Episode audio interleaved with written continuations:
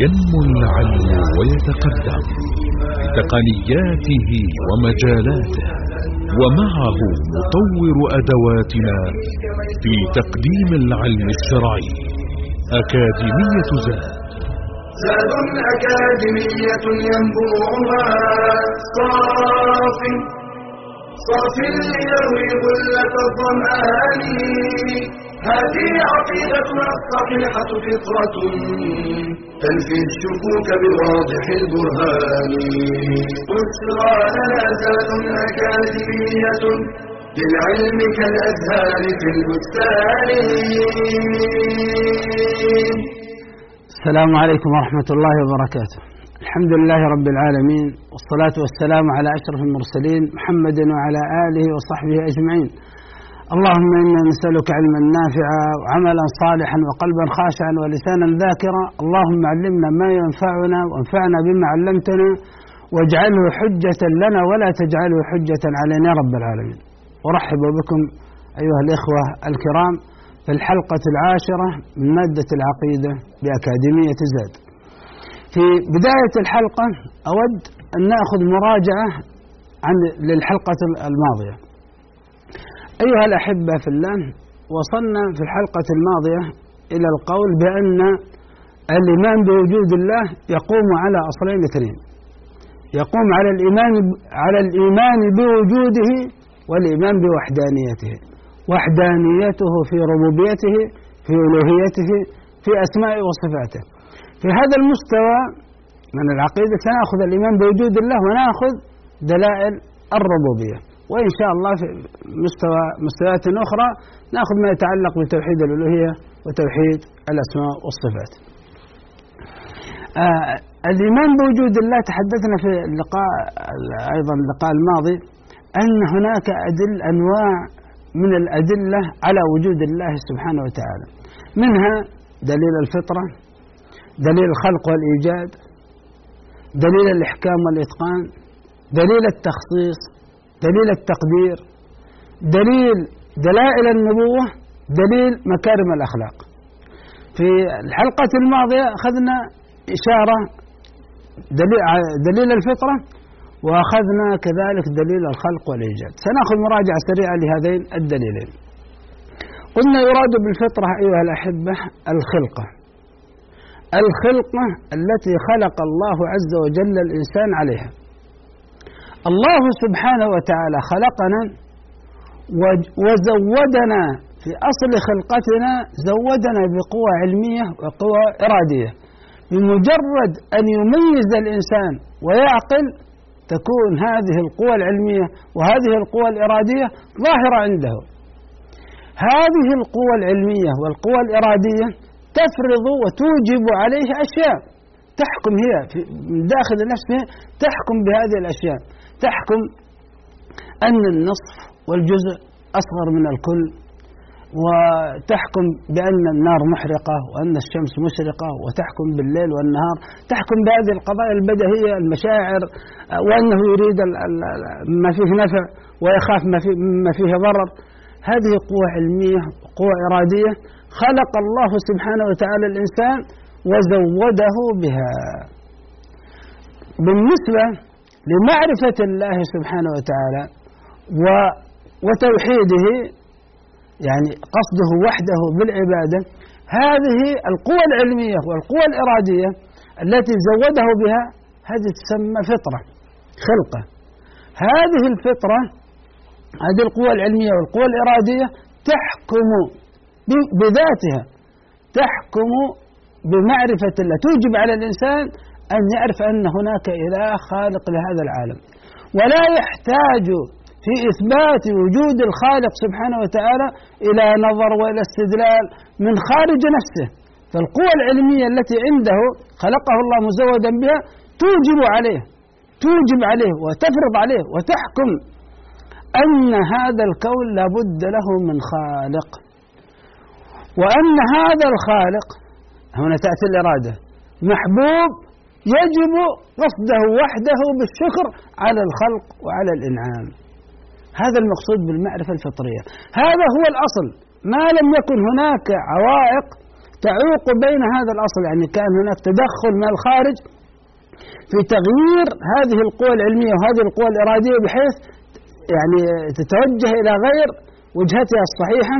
يحدث في التوحيد الشرك. فهذه أمور طارئة طارئة من البيئة من الخارج. أما في داخل نفس الإنسان هذه القوى العلمية وهذه القوى الإرادية توجب معرفة الله وتوجب توحيده. فإذا قال لك شخص يعني ما المراد بدليل الفطرة؟ أن تقول دليل الفطرة دليل الفطرة. تقول الفطرة يعني أنا عندي دليل من داخل نفسي. من الخلقة التي خلقني الله سبحانه وتعالى عليها وزودني بهذه القوى العلمية وهذه القوى الإرادية. هذا دليل الفطرة يوجب الإقرار بوجود الله ووحدانيته. كيف تستدل بدليل الفطرة؟ تقول أن الإقرار بوجود الله سبحانه وتعالى وأن هذا الإله الخالق لهذا الكون محبوب وأنه يجب قصده وحده بالعبادة. هذه الأمور مفروضة على ذهني فرضا لكونها نابعة من داخل نفسي قوة علمية وقوة إرادية في قرارة نفسي. هذا الإقرار بوجود الله ووحدانيته أمر مفروض على ذهني فرضا بحيث لا أحتاج فيه إلى استدلال ولا إلى نظر. ولذلك لا يمكن أن يدفع الإنسان عن نفسه هذه هذه الفطرة. لا سيما عندما يرى يعني ويتأمل في إبداع الله سبحانه وتعالى في خلقه. لا يملك أن يقول لله سبحان الله. إذا ألمت به مصيبة تبدأ هذه الفطرة تتجلى ويرجع إلى الله سبحانه وتعالى وهكذا. ثم ذكرنا يا إخوان في الحلقة الماضية أن هناك من يفسر كل مولود يولد على الفطرة يفسر الفطرة هي القابلية وليس الإسلام وهذا تفسير خاطئ. هذا تفسير خاطئ.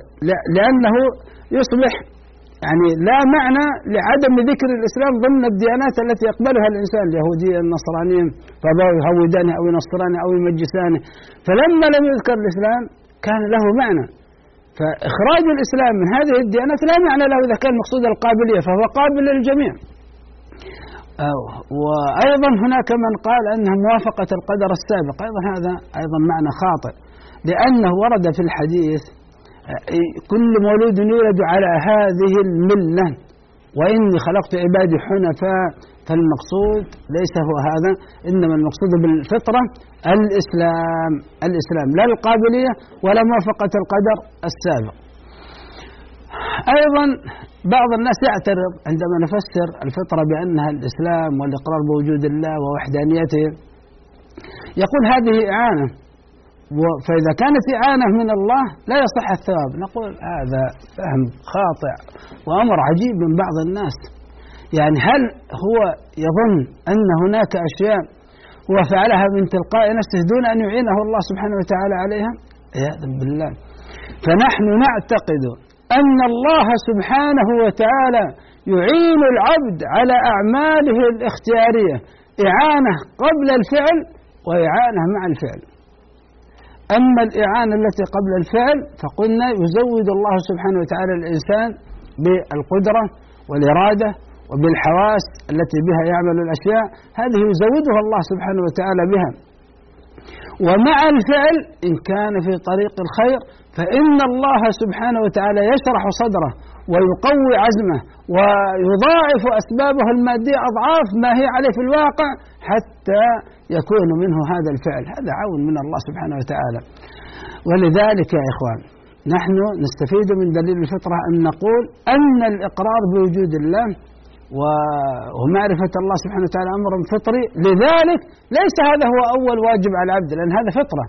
أول واجب على المكلف أن يقوم به هو النطق بالشهادتين.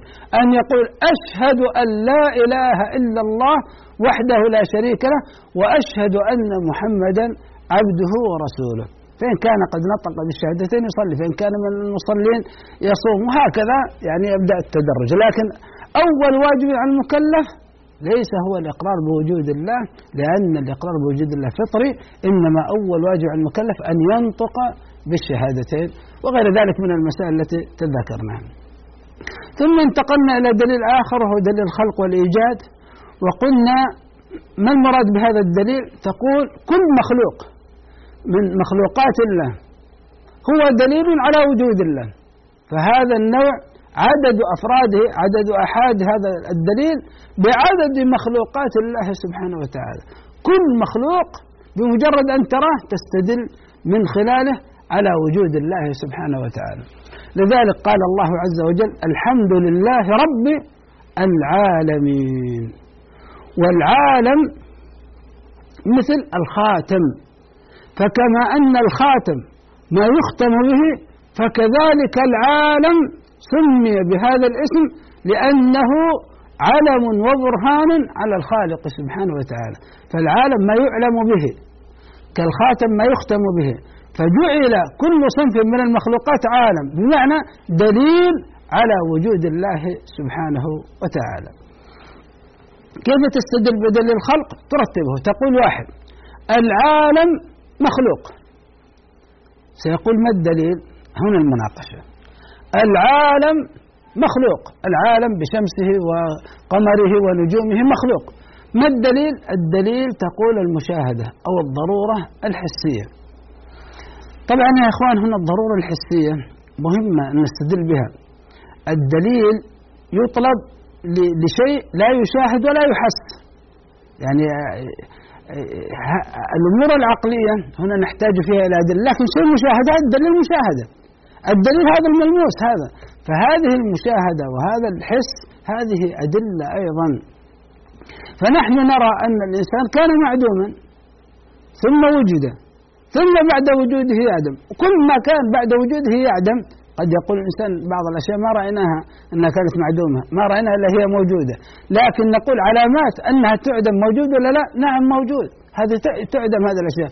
إذا هذا مخلوق. العالم مخلوق الدليل المشاهدة طيب الأشياء التي ما شاهدناها نقيسها على الأشياء التي شاهدناها. فنأتي إلى جزء من السماء نركز النظر عليه وجدنا أشياء ما كانت موجودة ثم وجدت أو أشياء موجودة ثم تعدم بعد وجودها. إذا هذه مخلوقة وكل السماء كذلك. فنقيس ما غاب عنا على ما شاهدناه. إذا هذا العالم كله مخلوق. ثم ننتقل إلى شيء إذا ما دليل ضرورة حسية ننتقل بعد ذلك إلى شيء آخر. كل مخلوق لا بد له من خالق. كل مخلوق لا بد له من خالق. سيقول ما الدليل على ذلك؟ كل مخلوق لا بد له من خالق. تقول ضرورة عقلية. ضرورة عقلية. نحن لا بد أن نحتكم مع الذي نحاوره أو ندلل له إلى هذه الضرورات هذه الأشياء. يعني هذه الضربة لا بد لها من ضارب هذه الضرورة. اجروا هذه التجربة على طفل تعال اصحى من الخلف ضربة من الخلف الخلف يلتفت سيقول من ضرب؟ لو قلت له أن هذه الصفعة تكونت في الهواء ونزلت عليك هل يقبل ذلك؟ لا يقبل ذلك البتة. يعني ويعتبرك أنت مجنون. لو مررنا بصحراء فارغة تماما. وبعد عشر سنوات عد لنفس الصحراء وإذا بها أصبح فيها مباني ومساكن وطرق وأشجار وأشياء عجيبة. هل يمكن أن يأتي شخص ويجادل ويقول هذه بنت نفسها بنفسها؟ لا لا يمكن لكون هذه ما كانت موجودة ثم وجدت لا بد لها من موجد. فهذا المخلوق لا بد له من خالق المخلوق لا بد له من خالق هذه ضرورة عقلية. طيب العالم مخلوق والمخلوق لا بد له من خالق إذا العالم لا بد له من خالق. من سلم بواحد سلم باثنين يلزمه التسليم بالنتيجة أن العالم لا بد له من خالق. ننتقل بعد ذلك انتقلنا في اللقاء الماضي إلى البحث من هذا الخالق. فمن قال من غير خالق يعني العدم العدم هو الخالق هذا مستحيل. لكون العدم غير موجود. فكيف يوجد غيره وهو لا يستطيع إيجاد نفسه؟ استحالة وجود مخلوق من غير موجد. هذه ضرورة عقلية. مثل استحالة وجود مدينة من غير ناس يقومون ببناء تلك المدينة وصنعها وهكذا. إذا من غير خالق هذا مستحيل. ثم تناقشنا في قضية أن يكون الخالق هي الأشياء نفسها بنفسها هي التي خلقت هذا العالم. ناخذ فاصل ونعود لكون هذه القضية قضية تحتاج منكم إلى شيء من التركيز. نعود إليكم بعد هذا الفاصل.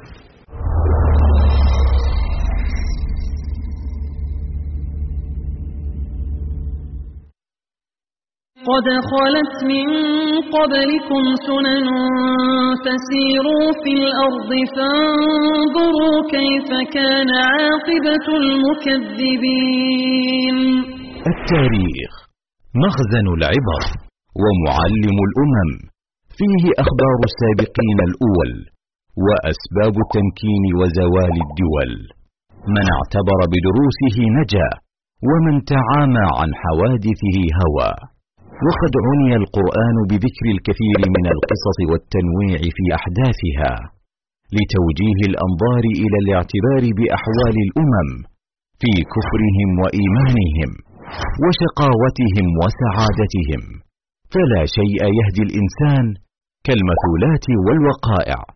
قال تعالى فاقصص القصص لعلهم يتفكرون.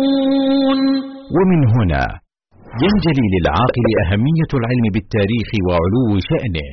فإذا نظر الإنسان إلى أحوال الأمم السالفة وأسباب قوتهم وضعفهم وعزهم وذلهم حمله ذلك على حسن الأسوة والاقتداء بأسباب السعادة والتمكين واجتناب ما كان من أسباب الشقاوة والهلاك والتدمير وأن التحولات في أحوال الأمم من رخاء إلى شدة ومن شدة إلى رخاء.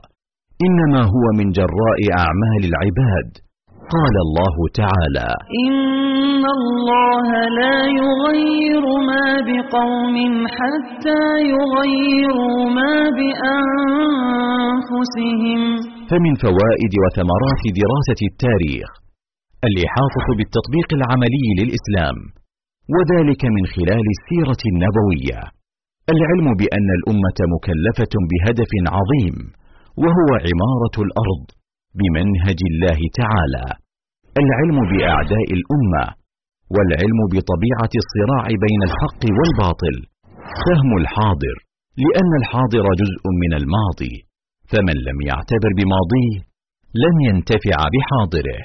إدراك سنن الله تعالى في هذا الكون وأنها لا تحابي أحدا. قال تعالى فهل ينظرون إلا سنة الأولين؟ فلن تجد لسنة الله تبديلا. ولن تجد لسنة الله تحويلا.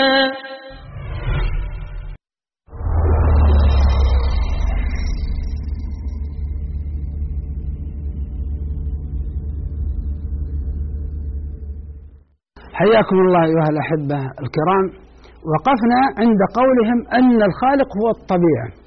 ماذا يقصدون بالطبيعة؟ يقصدون هذه العناصر هي خلقت نفسها بنفسها.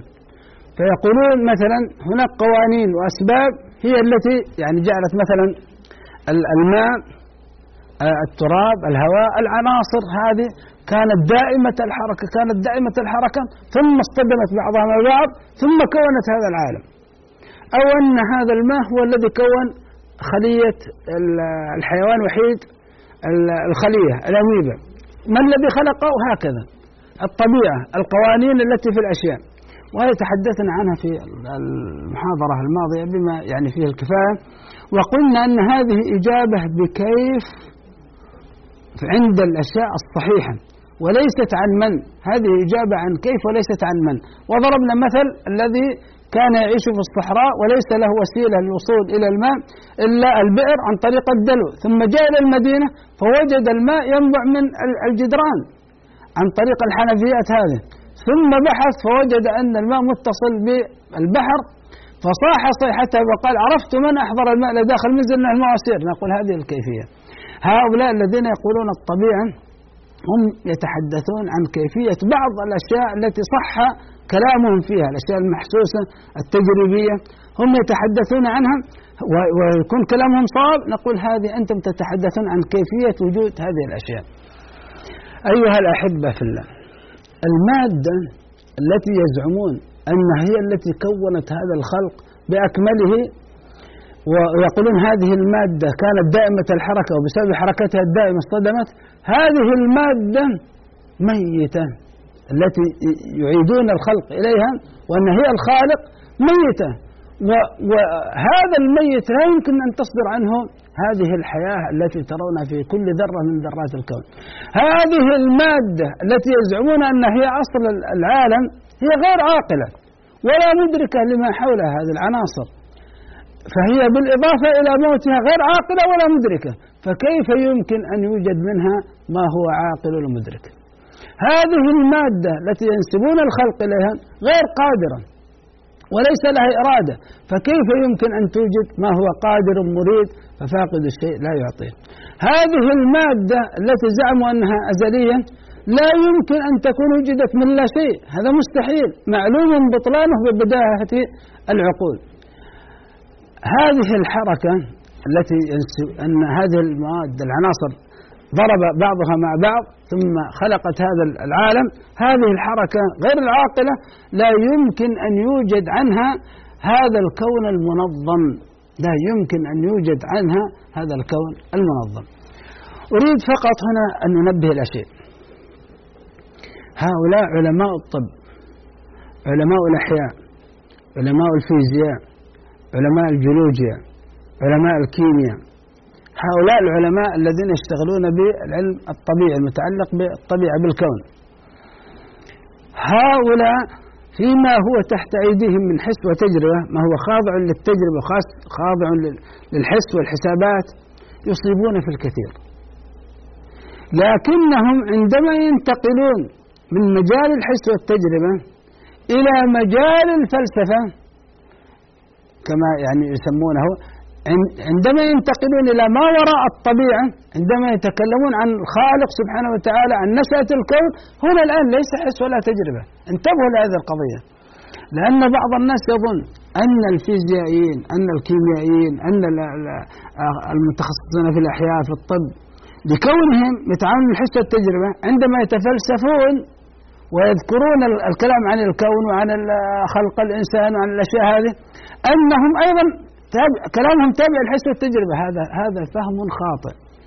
إنما هم الآن يعودون للأمور لفلسفة أرسطو فلسفة ما قبل أرسطو فلسفة ما بعد أرسطو.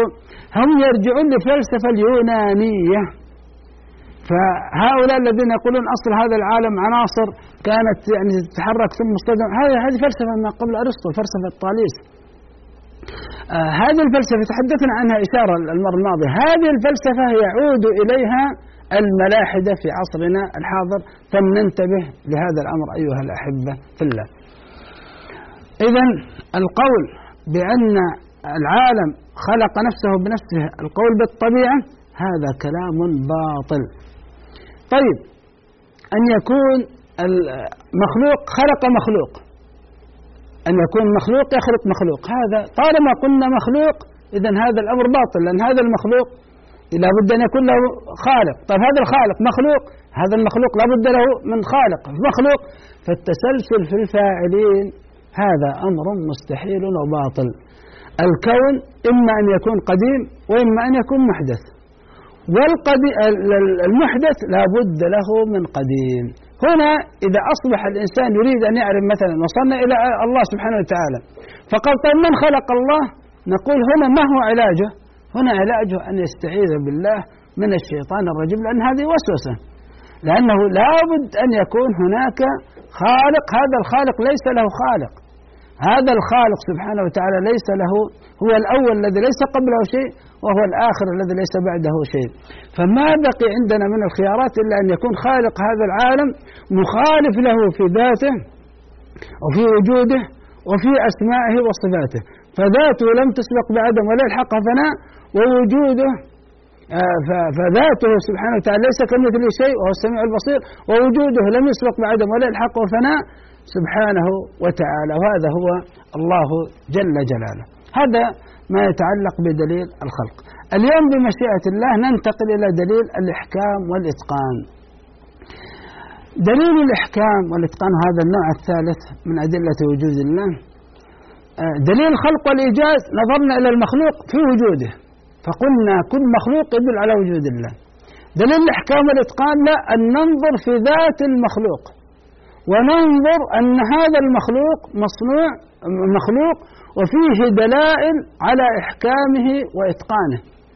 نرى في كل يعني ذرة في, في كل جزء من أجزاء هذا المخلوق ما يوحي لنا بالإحكام والإتقان في هذا المخلوق. هذا الإحكام وهذا الإتقان الموجود في مخلوقات الله سبحانه وتعالى تدل على أنه لا بد لها من محكم متقن حكيم قدير صانع وهو الله سبحانه وتعالى ناخذ فاصل بمشيئة الله ثم نعود إليكم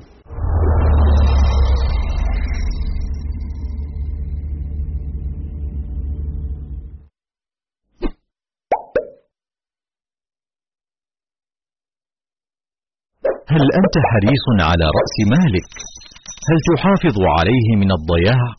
فرأس مالك الحقيقي هو الوقت قال الحسن البصري ابن آدم إنما أنت أيام كلما ذهب يوم ذهب بعضك ومن أهمية الوقت أقسم الله به في كتابه فقال والليل إذا يغشى والنهار إذا تجلى. وسوف نسأل عن الوقت يوم القيامة قال صلى الله عليه وسلم لا تزول قدم عبد يوم القيامة حتى يسأل عن عمره فيما أفناه الحديث وإذا أراد الله بالعبد خيرا أعانه بالوقت وإذا أراد به شرا جعل وقته عليه. وفي سيرة السلف أروع الأمثلة على استغلال الوقت. فقد كان داود الطائي يستف الفتيت ويقول بين سف الفتيت وأكل الخبز قراءة خمسين آية. وقال ابن القيم أعرف من أصابه مرض وكان الكتاب عند رأسه فإذا وجد إفاقة قرأ فيه فإذا غلب وضعه. ومن آداب الطالب ألا يسوف في تحصيل فائدة لأن للتأخير آفات ولأنه في الزمن الثاني يحصل غيرها. ومن المحافظة على الوقت البعد عن البطالين. الذين يقضون أعمارهم في المسامرات. فلا تكن ممن لا يشكرون نعمة الوقت. فإن رسول الله صلى الله عليه وسلم قال نعمتان مغبون فيهما كثير من الناس. الصحة والفراغ.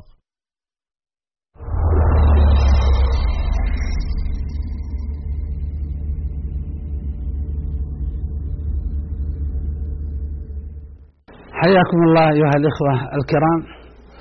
وقفنا عند دليل الإحكام والإتقان وهذا النوع الثالث من أدلة وجود الله. دليل الإحكام والإتقان يقوم على مقدمتين اثنتين المقدمة الأولى أن كل مخلوق من مخلوقات الله سبحانه وتعالى نرى فيه آثار إحكام وإتقان. يعني في صنعه في خلقه مظاهر الإحكام والإتقان مشاهدة. إذا ما الدليل على وجود الإحكام والإتقان في أي مخلوق من مخلوقات الله؟ نقول الدليل المشاهدة الإدراك الحسي. المقدمة الثانية أن الإحكام والإتقان المدرك حسا لا يمكن أن يكون من غير سبب. هذا الإحكام وهذا الإتقان موجود في مخلوقات الله آه لا يمكن أن يكون من غير سبب. أو يوجد لها لذاتها. هي هي بذاتها مثلا هذه اليد هي التي أوجدت هذا الإحكام والإتقان فيها. لا يمكن. لا يمكن يكون من غير سبب ولا يمكن أن يكون لذاتها. هذا ضرورة عقلية. إذا النتيجة أنه يوجد خالق عليم حكيم خلق هذه المخلوقات بهذا الإحكام والإتقان وهو الله سبحانه وتعالى وهذا هو المطلوب إثباته قال الله عز وجل الذي أحسن كل شيء خلقه. أحسن يعني أتقن. كل شيء خلقه. قال الله سبحانه وتعالى صنع الله الذي أتقن كل شيء. إذا الإحسان والإتقان ظاهر في كل مخلوق من مخلوقات الله سبحانه وتعالى. تعالوا نتأمل في بعض يعني الأشياء لا, لا علاقة لنا الآن بالطب والأحياء والأشياء إنما الأشياء البديهية المعروفة. تعال إلى خلق العينين. يعني أين وجود العينين؟ توجد في أعلى الرأس. ثم انظر ما هي الحماية التي جعلها الله سبحانه وتعالى للعين. يعني داخلة في يعني مغارة في كذا بحيث أي ضربة يكون هناك متسع. يعني لا تصيب العين مباشرة. طيب هل هذا الآن فيه إحكام وإتقان أم لا؟ فيه إحكام وإتقان. بالله عليكم لو كانت العين في البطن أو كانت في الرجل أو كانت في الركبة كيف سيكون الإنسان؟ كيف يعني واضح أنه لا, لا يكون إحكام وإتقان لكن يكون بهذا المكان. ثم تحمى بالأجفان وتزين بالحواجب والرموش. هذا شيء عجيب. انظر إلى خلق الأذنين أين مكانهما؟ إحكام وإتقان يا إخوان. ما وضعت في مكان هكذا. ما في أذن تأتي في مثلا في رأس الإنسان هنا وأذن في, الخلف. لا جاية في, في يعني في الجانبين الإنسان. ثم لو تتأمل فيها انظر إلى هذا اللي في, في الأذن. تجد لو جاء الصوت إلى الأذن يمر بمراحل حتى يصل إلى الأذن. خلق الأذن أيضا بإحكام وإتقان. تأمل في خلق الفم ووضع الشفتين لتغلق على الأسنان. بالله عليكم تخيل لو كان الإنسان من غير يعني شفتين. وأكل الطعام ويخرج بين الناس بالأسنان منظر عجيب. هذا وضع الفم بهذا الشكل هذا إحكام وإتقان. ما فيه من أسنان ما فيه من لسان. انظر إلى خلق اليدين. يعني شوف الأربع الأصابع شوف الإبهام. ثم حتى في كل جزء تنظر إليه تجد فيه آثار أحكام وإتقان حتى تستطيع القبض على الأشياء. كل مرة نتحدث معنا أخ ميكانيكي يسمعنا فقال هذه اليدين عدة كاملة. إيش عد؟ قال عندك مقاس آه ثمانية مقاس عشرة مقاس 12 مقاس أو, أو بهذه. مقاس آه ثمانية عشرة 12 14 قال عدة كاملة تتحكم فيها. يعني شيء عجيب إحكام وإتقان يا إخوان في خلق اليدين. آه تأمل في خلق الجمل. يعني أمور ما تحتاج إلى أن تكون أفلا ينظرون إلى الإبل كيف خلقت. جعل لها سنام السنام هذا يستطيع الجمل أن يخزن فيها الماء والطعام حتى يساعده في هذا إحكام وإتقان خلقة الجمل. ثم يجعل للجمل خف. هذا الخف هو الذي يساعده على السير في الصحراء. بالله عليكم لو كان بدل الخف حافر وجاء في الصحراء الجمل بجسم هذا الكبير سيغوص في الصحراء. انظر إلى خلق الماعز وجعل له حافر ولم يجعل له خف إحكام وإتقان يا إخوان. تأمل في خلق الطيور تأمل في خلق النحل تأمل في خلق الأسماك تأمل في خلق الحيوانات البحرية. يعني أنت تنزه لا مانع من ذلك تتمشى. وأنت تتمشى انظر في يعني هذه المخلوقات سترى فيها آثار الإبداع آثار الإتقان آثار الإحكام آثار الإحسان. قال فمن ربكما يا موسى؟ قال ربنا الذي أعطى كل شيء خلقه ثم هدى أعطاه خلقته المناسبة له بإحكام وإتقان ثم هداه لاستخدام خلقته المدة التي أرادها الله سبحانه وتعالى له. أيها الأحبة في الله الإحكام والإتقان يظهر في مخلوقات الله عامة. الشمس لو كانت أقرب قليلا عما هي عليه الآن. هل تعرفون ما الذي سيحصل؟ لا نستطيع أن نعيش على الأرض. وفسدت الحياة. لو كانت الشمس أبعد قليلا عما هي عليه الآن لتجمدت البحار وما استطاع أن يعيش على الأرض. القمر لو كان أقرب قليلا عما هو عليه الآن لحدث يعني فيضانات وما استطاع الناس يعيش ما كان في يابسة. والقمر لو كان أبعد قليلا عما هو عليه الآن لحدث الجزر وماتت الكائنات البحرية وهكذا. نسبة الأكسجين لو زادت قليلا عما هي عليه الآن لا بمجرد أن تشعل العثقة يحدث احتراق. لو قلت نسبة الأكسجين عما هي عليه الآن ما استطعنا التنفس. هل هذه الأمور كلها صدفة؟ لا. إذا هذا الإحكام هذا الإتقان في مخلوقات الله سبحانه وتعالى يدل على أن وراءه لا يمكن أن يكون من غير سبب ولا يمكن أن يكون لذاتها لا بد أن يكون وراءه حكيم متقن مبدع وهو الله سبحانه وتعالى. هذا يسمى دليل الإحكام والإتقان.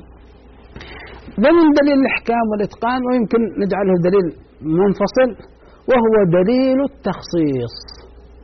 دليل التخصيص التخصيص هو نوع من الإحكام والإتقان لكن يعني يخص الله سبحانه وتعالى. العضو بهيئة معينة تخالف العضو الآخر.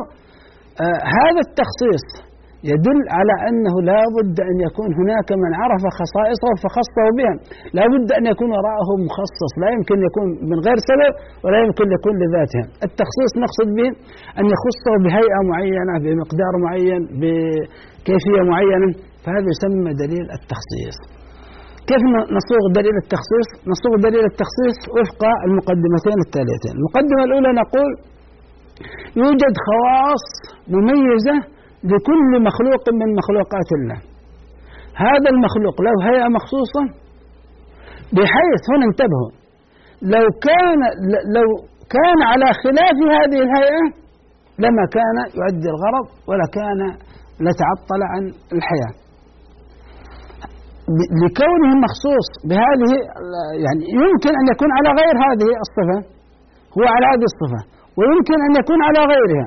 لو كان على غيرها لكان معطلا لكان فاسدا لكان كذا وكان كذا. إذا وضعه على هذه الصفة بهذه الصفة بهذه الهيئة لا بد أن يكون هذا التخصيص. لا يمكن أن يكون من غير سبب ولا يمكن أن يكون لذاته. هو خصص نفسه بذاته. وهذا ضرورة عقليا إذا ماذا بقي؟ أن يكون هناك خالق. عليم حكيم خلق المخلوقات بهذه الخواص ليتحقق في الكون النظام وينتفي عنه الاضطراب والتناقض وهو الله سبحانه وتعالى وهذا المطلوب إثباته نصوغ يعني دليل التخصيص بصيغة أخرى. نقول بالمشاهدة نشاهد أن كل مخلوق قد خصه الله بشكل وهيئة ومقادير محددة. هذه بالمشاهدة. كل شيء سواء في, في الإنسان سواء في الحيوان سواء في, في أي مخلوق من مخلوقات الله. ننظر فنجد أنه قد خص بشكل وهيئة ومقادير محددة. بها يظهر التفاوت بينه وبين مخلوق آخر. وكذلك أعضاء المخلوق الواحد. قد خص كل منها بوظيفة وهيئة مختلفة عن بقية الأعضاء. طيب انتهينا هذه المشاهدة. يجوز عقلا أن يكون ذلك المخلوق أو العضو على خلاف الصورة التي هو عليها الآن. لكنه لا يمكن لو كان على خلاف تلك الصورة لكان فاسدا. لكان لم يكن يؤدي الوظيفة التي تناط به. إذا تخصيص المخلوق أو العضو بصورته التي هو عليها الآن يحتاج إلى مخصص. هذا المخصص لا يمكن أن يكون جامدا لا حياة فيه أو جاهلا لا يعلم ويعقل. هذا ضرورة عقلية. فلا بد أن يكون المخصص عليما حكيما. علم خصوصيات الأشياء وما يصلح لكل منها فصورها وفق علمه وحكمته على هذه الأوجه المخصوصة المتقنة. وهذا هو الله سبحانه وتعالى. تعالوا مثلا ناخذ قول الله سبحانه وتعالى أفرأيتم ما تحرثون؟ أأنتم تزرعونه أم نحن الزارعون؟ يقول الله سبحانه وتعالى لو نشاء لجعلناه حطاما فظلتم تفكهون. يعني خلقناه على غير الصورة التي أنتم عليها فظلتم تفكهون إنا لمغرمون بل نحن محرومون. أفرأيتم الماء الذي تشربون؟ من الذي جعل هذا الماء حلو بهذه الصفات حتى يستفيد الإنسان منه؟ يقول الله أنتم أنزلتموه من المزن أم نحن المنزلون. لو نشاء جعلناه أجاجا مالحا ما يمكن أن تشربوه. فلولا تشكرون. أفرأيتم النار التي تورون؟ أنتم أنشأتم شجرتها أم نحن المنشئون نحن جعلناها تذكرة ومتاعا للمقوين. هذه خصائص الماء النار الزراعة الأشياء المني. قبلها الآية التي قبلها نحن خلقناكم فلولا تصدقون. هذه الأمور هذه الخصائص التي خص الله عز وجل بهذه المخلوقات فجعلها بهذه الهيئة بهذه الكيفية لتؤدي الغرض منها. يمكن أن تكون على غير هذه الصفة. لو كانت على غير هذه الصفة لما أدت المطلوب. فجعلها بهذه الصفة لا يمكن أن يكون من غير سبب ولا يمكن أن يكون لذاتها. ولا يمكن أن يكون الفاعل جاهل. لا يمكن أن يكون الفاعل ميت جامد. لا بد أن يكون الفاعل لها عليم حي قادر سميع بصير حكيم متقن وهذا هو الله سبحانه وتعالى. تعالوا نأخذ أمثلة على دليل التخصيص. مثال مثل العين. ما هو العين؟ خذ دمعة من دمعاتك ثم تذوقها. ما طعمها؟ مالح تعال لماء الفم. هذا اللعاب. ما طعمه؟ عذب. تعال إلى ماء الأذن. ما طعمه؟ مر. آه.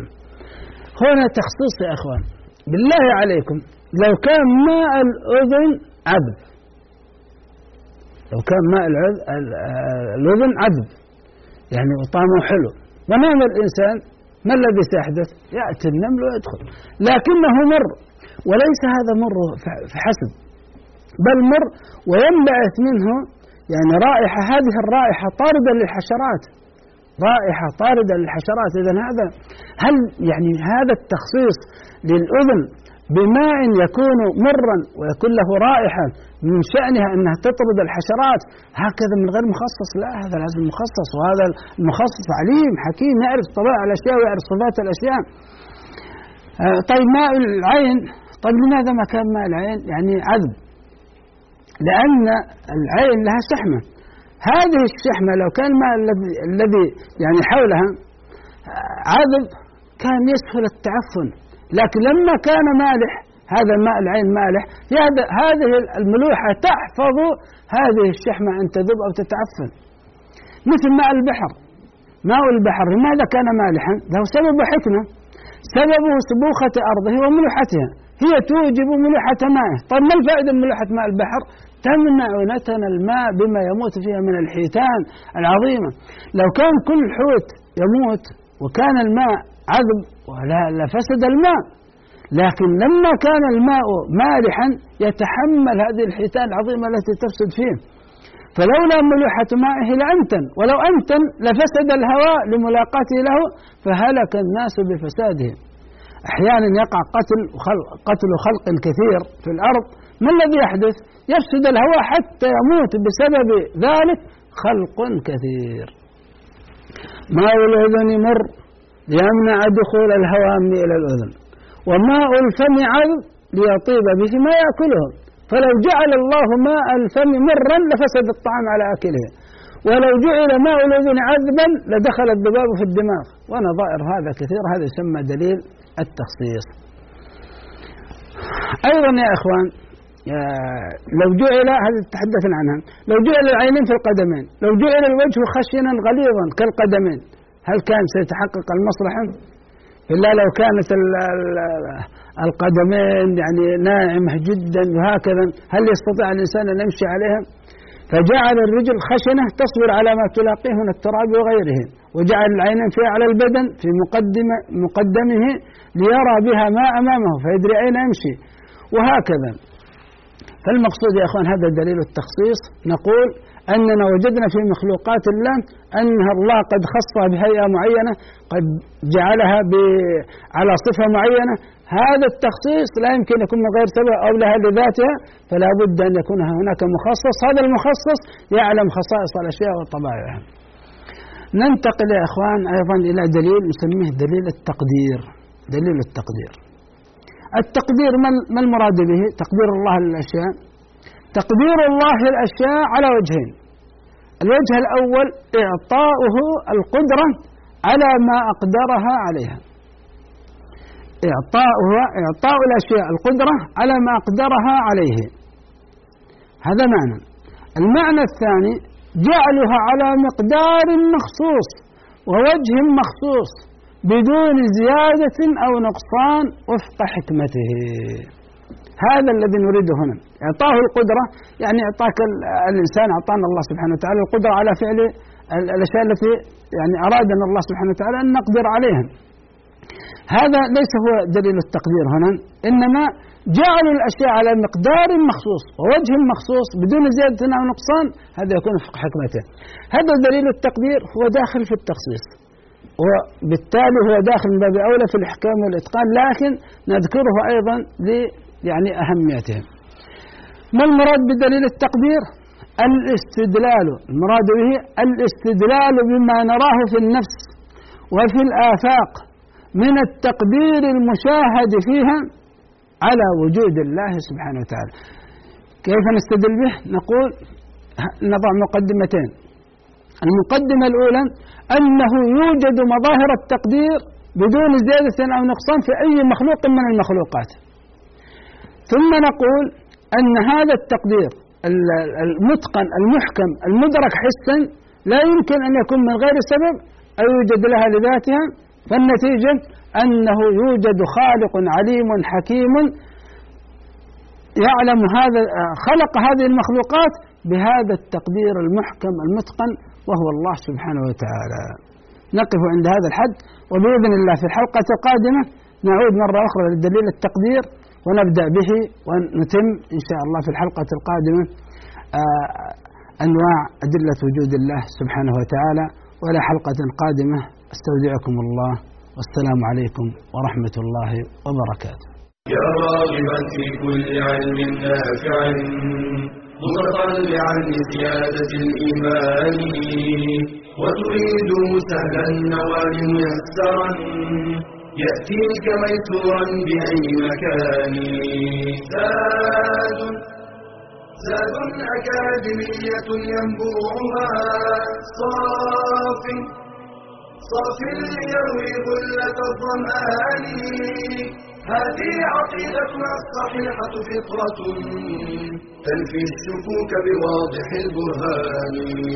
بشرى لنا ذات أكاديمية للعلم كالأزهار في البستان.